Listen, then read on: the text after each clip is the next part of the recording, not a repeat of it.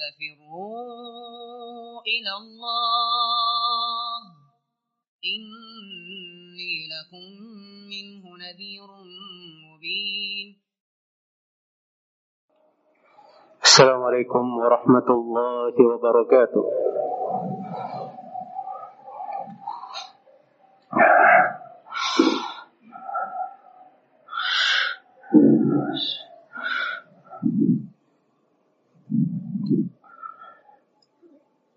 إن الحمد لله نحمده ونستعينه ونستغفره ونعوذ بالله من شرور أنفسنا وسيئات أعمالنا من يهده الله فلا مضل له ومن يضلل فلا هادي له أشهد أن لا إله إلا الله وحده لا شريك له وأشهد أن محمدا عبده ورسوله.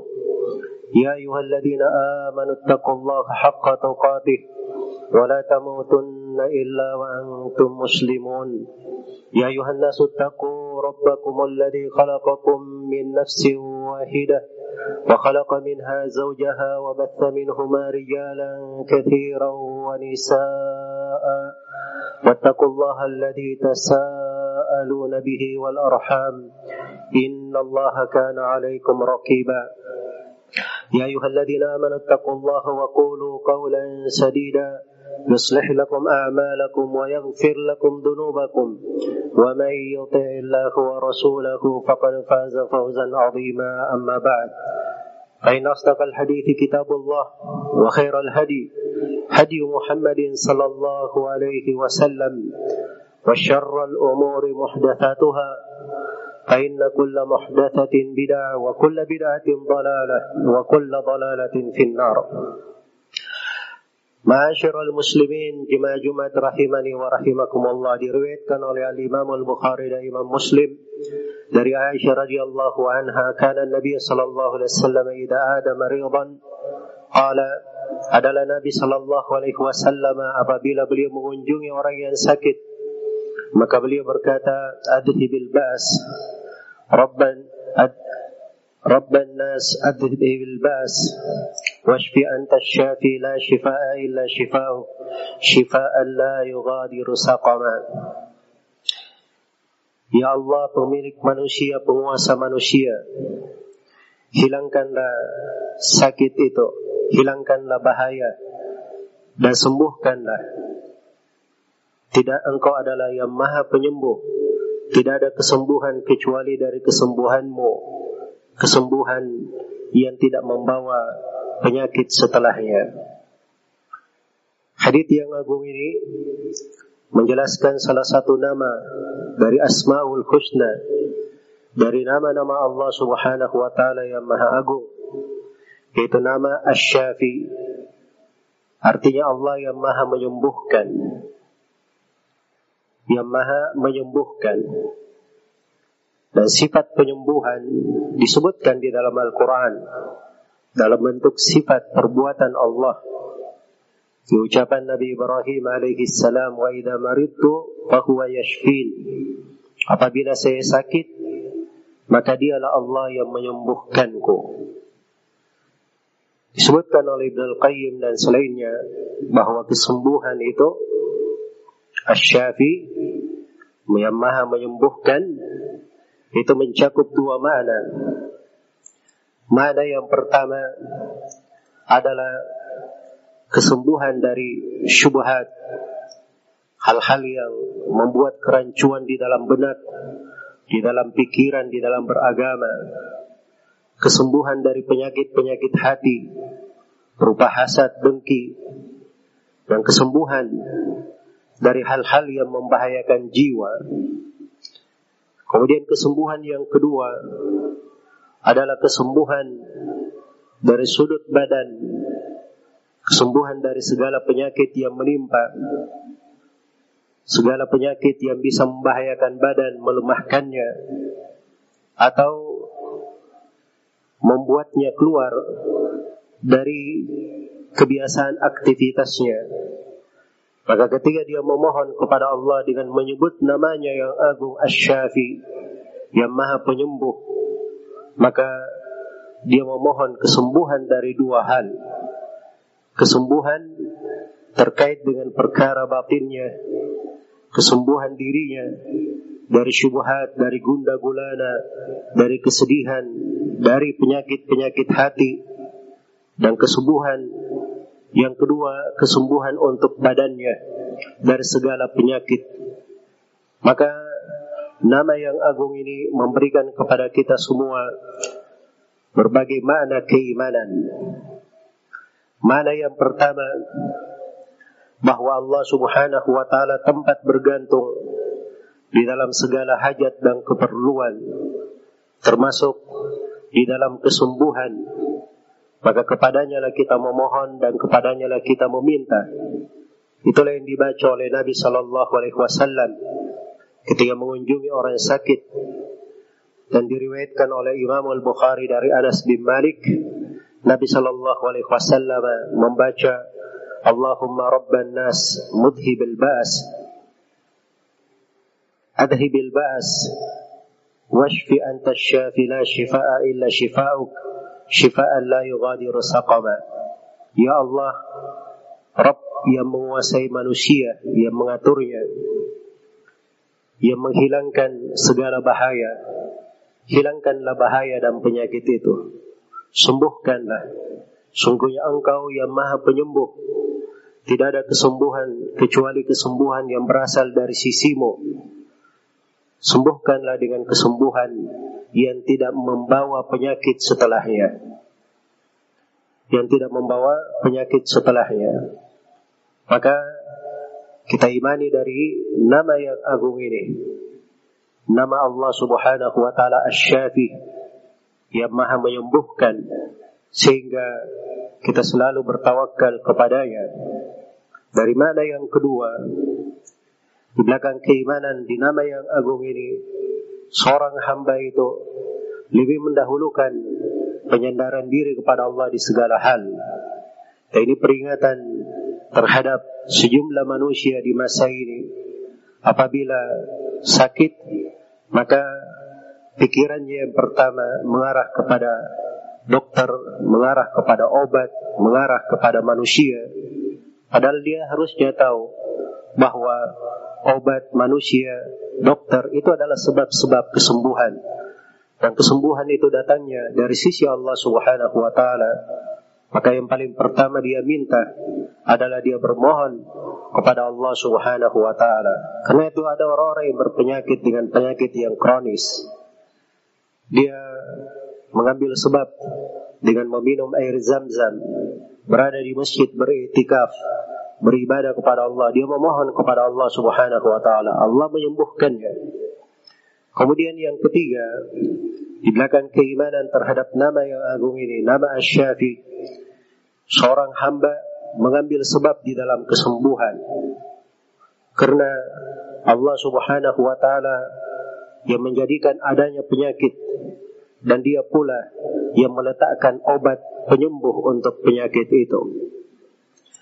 Karena itu Rasulullah Sallallahu Alaihi Wasallam di dalam Sahih Muslim dari hadits Jabir beliau bersabda likulli dawa'in da likulli da'in dawa faida usiba dawa'ud da'i bara'a bi'idnillahi azza wa jal. Setiap penyakit itu ada obatnya. Apabila obat dari penyakit sudah menimpa atau sudah didapatkan maka akan sembuh dengan izin Allah Subhanahu wa taala dan di dalam Sahih Al Bukhari dari hadits Abi Hurairah radhiyallahu anhu Rasulullah sallallahu alaihi wasallam bersabda ma anzalallahu da'an illa anzalallahu lahu shifa. Tidaklah Allah Subhanahu wa taala menurunkan sebuah penyakit kecuali Allah Subhanahu wa taala turunkan pula kesembuhan dari penyakit tersebut. Dan Rasulullah sallallahu alaihi wasallam bersabda, "Tadawau ibadallah." Berobatlah kalian wahai hamba-hamba Allah. Maka berobat itu adalah mengambil sebab. Allah yang maha menyembuhkan. Dialah yang memerintah untuk hal tersebut. Itu bagian dari keimanan terhadap Asma'ul Husna dari nama yang agung ini. Nama Allah Asy-Syafi. Karena itu Al-Quranul Karim dijadikan sebagai penyembuh. dijadikan sebagai penyembuh. Wa nunazzilu minal Qur'ani ma huwa shifaa'un wa. Kami turunkan dari Al-Quran apa yang merupakan penyembuh dan rahmat untuk orang yang beriman. Ya ayuhan nasu qad ja'atkum mau'izatun min rabbikum wa shifaa'un lima fis sudur wa hudan wa rahmatun lil mu'minin. Wahai sekalian manusia, telah datang kepada kalian peringatan dari Rabb kalian dan penyembuh untuk segala penyakit yang ada di dalam dada petunjuk dan rahmat untuk orang-orang yang beriman. Allah firman kul huwa lilladzina amanu hudan wa shifa. Katakanlah Al-Qur'an itu bagi manusia, bagi orang-orang yang beriman adalah petunjuk dan penyembuh. Maka Al-Qur'an adalah penyembuh. Sebagaimana Allah Subhanahu wa taala jadikan madu ada kesembuhan di dalamnya. Yakhruju min butuniha syarabun mukhtalifun alwanuhu fihi shifaa'un linnas keluar dari perutnya minuman yang ber, minuman yang beraneka ragam rasanya di dalamnya ada kesembuhan untuk manusia dijadikan kesembuhan pada habbatus sauda al habbatus sauda shifaul likulli da kata Nabi sallallahu alaihi wasallam habbatus sauda jintan hitam adalah obat untuk segala penyakit dan Allah Subhanahu wa taala juga dan Nabi Shallallahu Alaihi Wasallam juga menjelaskan kesembuhan dengan berbekam. Asyifa'u fi thalatha. Kata beliau, kesembuhan itu dalam tiga hal. Fi syartati mihjam. Di dalam irisan bekam. Wa syurbati aslin. Meminum madu. Wa qayyatun binar. Qayyatun binar. Dan dengan dikait menggunakan api.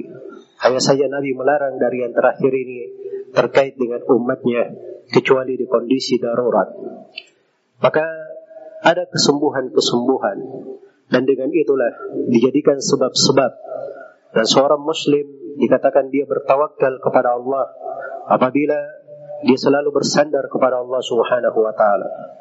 Kemudian yang kedua, dia meyakini kalaupun dia mengambil sebab kesembuhan, maka kesembuhan yang hakiki itu asalnya berasal dari Allah. Kemudian yang ketiga dia mengambil sebab yang dengannya dia bisa sembuh. Aku ma tasmaun li wa lakum wa lasairil muslimin min kulli dhanb fastaghfiruh innahu huwal ghafurur rahim. الحمد لله على إحسانه والشكر له على توفيقه وامتنانه. أشهد أن لا إله إلا الله وحده لا شريك له تعظيما لشانه. وأشهد أن محمدا عبده ورسوله. الدائي إلى رضوانه صلى الله عليه وعلى آله وأصحابه وإخوانه أما بعد قوم مسلمين جمع جمع رحمني ورحمكم الله Allah Subhanahu wa taala berfirman, "Walillahil asmaul husna fad'uhu biha." Milik Allah lah nama-nama yang maha indah, maka berdoalah kalian dengannya. Dari keimanan kepada Allah dan dari pokok keimanan itu adalah seorang selalu beribadah kepada Allah dengan merenungi nama-namanya, berdoa dengannya, bermohon kepada Allah Subhanahu wa taala karena itu para nabi dan para rasul ketika mereka sakit, mereka selalu meyakini bahwa yang menyembuhkan adalah Allah Subhanahu wa taala semata. Ucapan Nabi Ibrahim, "Wa maridtu yashfin." Apabila saya sakit, maka dialah Allah yang menyembuhkanku. Wa yuba idnada rabbahu anni massani ad-dur wa anta arhamur rahimin. Dan Nabi Ayub ketika dia berdoa kepada Rabbnya, wahai Rabbku saya ditimpa oleh bahaya, timpa oleh penyakit yang berat disebutkan dalam sebagian buku tafsir penyakit yang berat ini yang menyebabkan beliau ditinggalkan oleh seluruh keluarganya itu berlangsung bersama beliau sekitar 18 tahun. Tapi bersamaan dengan itu beliau selalu bermohon kepada Allah Subhanahu wa taala agar supaya disembuhkan dan dialah Allah yang paling merahmati. Maka Allah menyembuhkannya, dikembalikan jasadnya, dikembalikan dari keluarganya dan ditinggikan oleh Allah Subhanahu wa taala dengan kesabarannya. Maka itulah para nabi dan para rasul. Karena itulah selalu bergantung kepada Allah, bermohon kepadanya. Apalagi penyakit yang ada pada kita beraneka ragam dan banyak. Jangan selalu melihat pada penyakit yang di luar saja. Penyakit yang menimpa badan, penyakit-penyakit yang mendera hati, yang berada di dalam jiwa, berupa syahwat, berupa syubhat, berupa penyakit-penyakit hati dari hasad, dengki, dan merendahkan manusia atau semisal dengannya. Itu kadang penyakit sebagian darinya lebih berbahaya dari penyakit badan. Maka seorang selalu memohon kepada Allah, meminta kepadanya, Ya Syafi, Ya Allah yang maha menyembuhkan, Ishfini, sembuhkanlah saya. Sembuhkan saya dari dua penyakit ini. Karena itu kita bermohon kepada Allah subhanahu wa ta'ala, Rabban nas, mudhibil ba'as, Rabb seluruh manusia yang menghilangkan segala bahaya agar ayashfiyana agar menyembuhkan kita. Wa yashfi mardana menyembuhkan orang-orang sakit di tengah keluarga kita. Wa yashfi mardal muslimin dan menyembuhkan orang-orang yang sakit dari kaum muslimin. Syifaan la yughadir saqama dengan kesembuhan yang tidak membawa penyakit setelahnya waliyyu dzalika wal qadiru alaihi ثم اعلموا رحمكم الله إن الله أمركم بأمر بدأ به بنفسه وثن بملائكته المسبحة بقدسه. فقال جل من قائل إن الله وملائكته يصلون على النبي. يا أيها الذين آمنوا صلوا عليه وسلموا تسليما. اللهم صل وسلم على نبيك ورسولك محمد وارض اللهم عن خلفائه الراشدين أبي بكر وعمر وعثمان وعلي وعن الصحابة أجمعين وأن معكم بفضلك وجودك وإحسانك يا أرحم الراحمين. اللهم اغفر للمسلمين والمسلمات والمؤمنين والمؤمنات الأحياء منهم والأموات إنك سميع قريب مجيب الدعوات ويا قاضي الحاجات. اللهم أعز الإسلام والمسلمين وأذل الشرك والمشركين ودمر أعداءك أعداء الدين ومن شايعهم من المنافقين والمرتدين. اللهم آمنا في أوطاننا وأصلح ولاة أمورنا واجعل لهم بطانة تعينهم على طاعتك يا أرحم الراحمين. اللهم ادفع عنا الوباء والبلاء والغلاء والزنا والربا والزلازل والفتن وسائر المحن برحمتك يا أرحم الراحمين. اللهم من أرادنا وبلادنا بسوء فأشغله بنفسه واجعل كيده في نحري واجعل تدبيره تدميرا عليه يا قوي يا عزيز. ربنا ظلمنا أنفسنا وإن لم تغفر لنا وترحمنا لنكونن من الخاسرين. ربنا اغفر لنا ولإخواننا الذين سبقونا بالإيمان ولا تجعل في قلوبنا غلا للذين آمنوا. ربنا إنك رؤوف رحيم. ربنا آتنا في الدنيا حسنة وفي الآخرة حسنة وقنا عذاب النار. عباد الله إن الله يأمر بالعدل والإحسان وإيتاء ذي القربى وينهى عن الفحشاء والمنكر والبغي. يعظكم لعلكم تذكرون. فاذكروا الله العظيم الجليل يذكركم واشكروه على نعمه يزدكم ولذكر الله أكبر. والله يعلم ما تصنعون.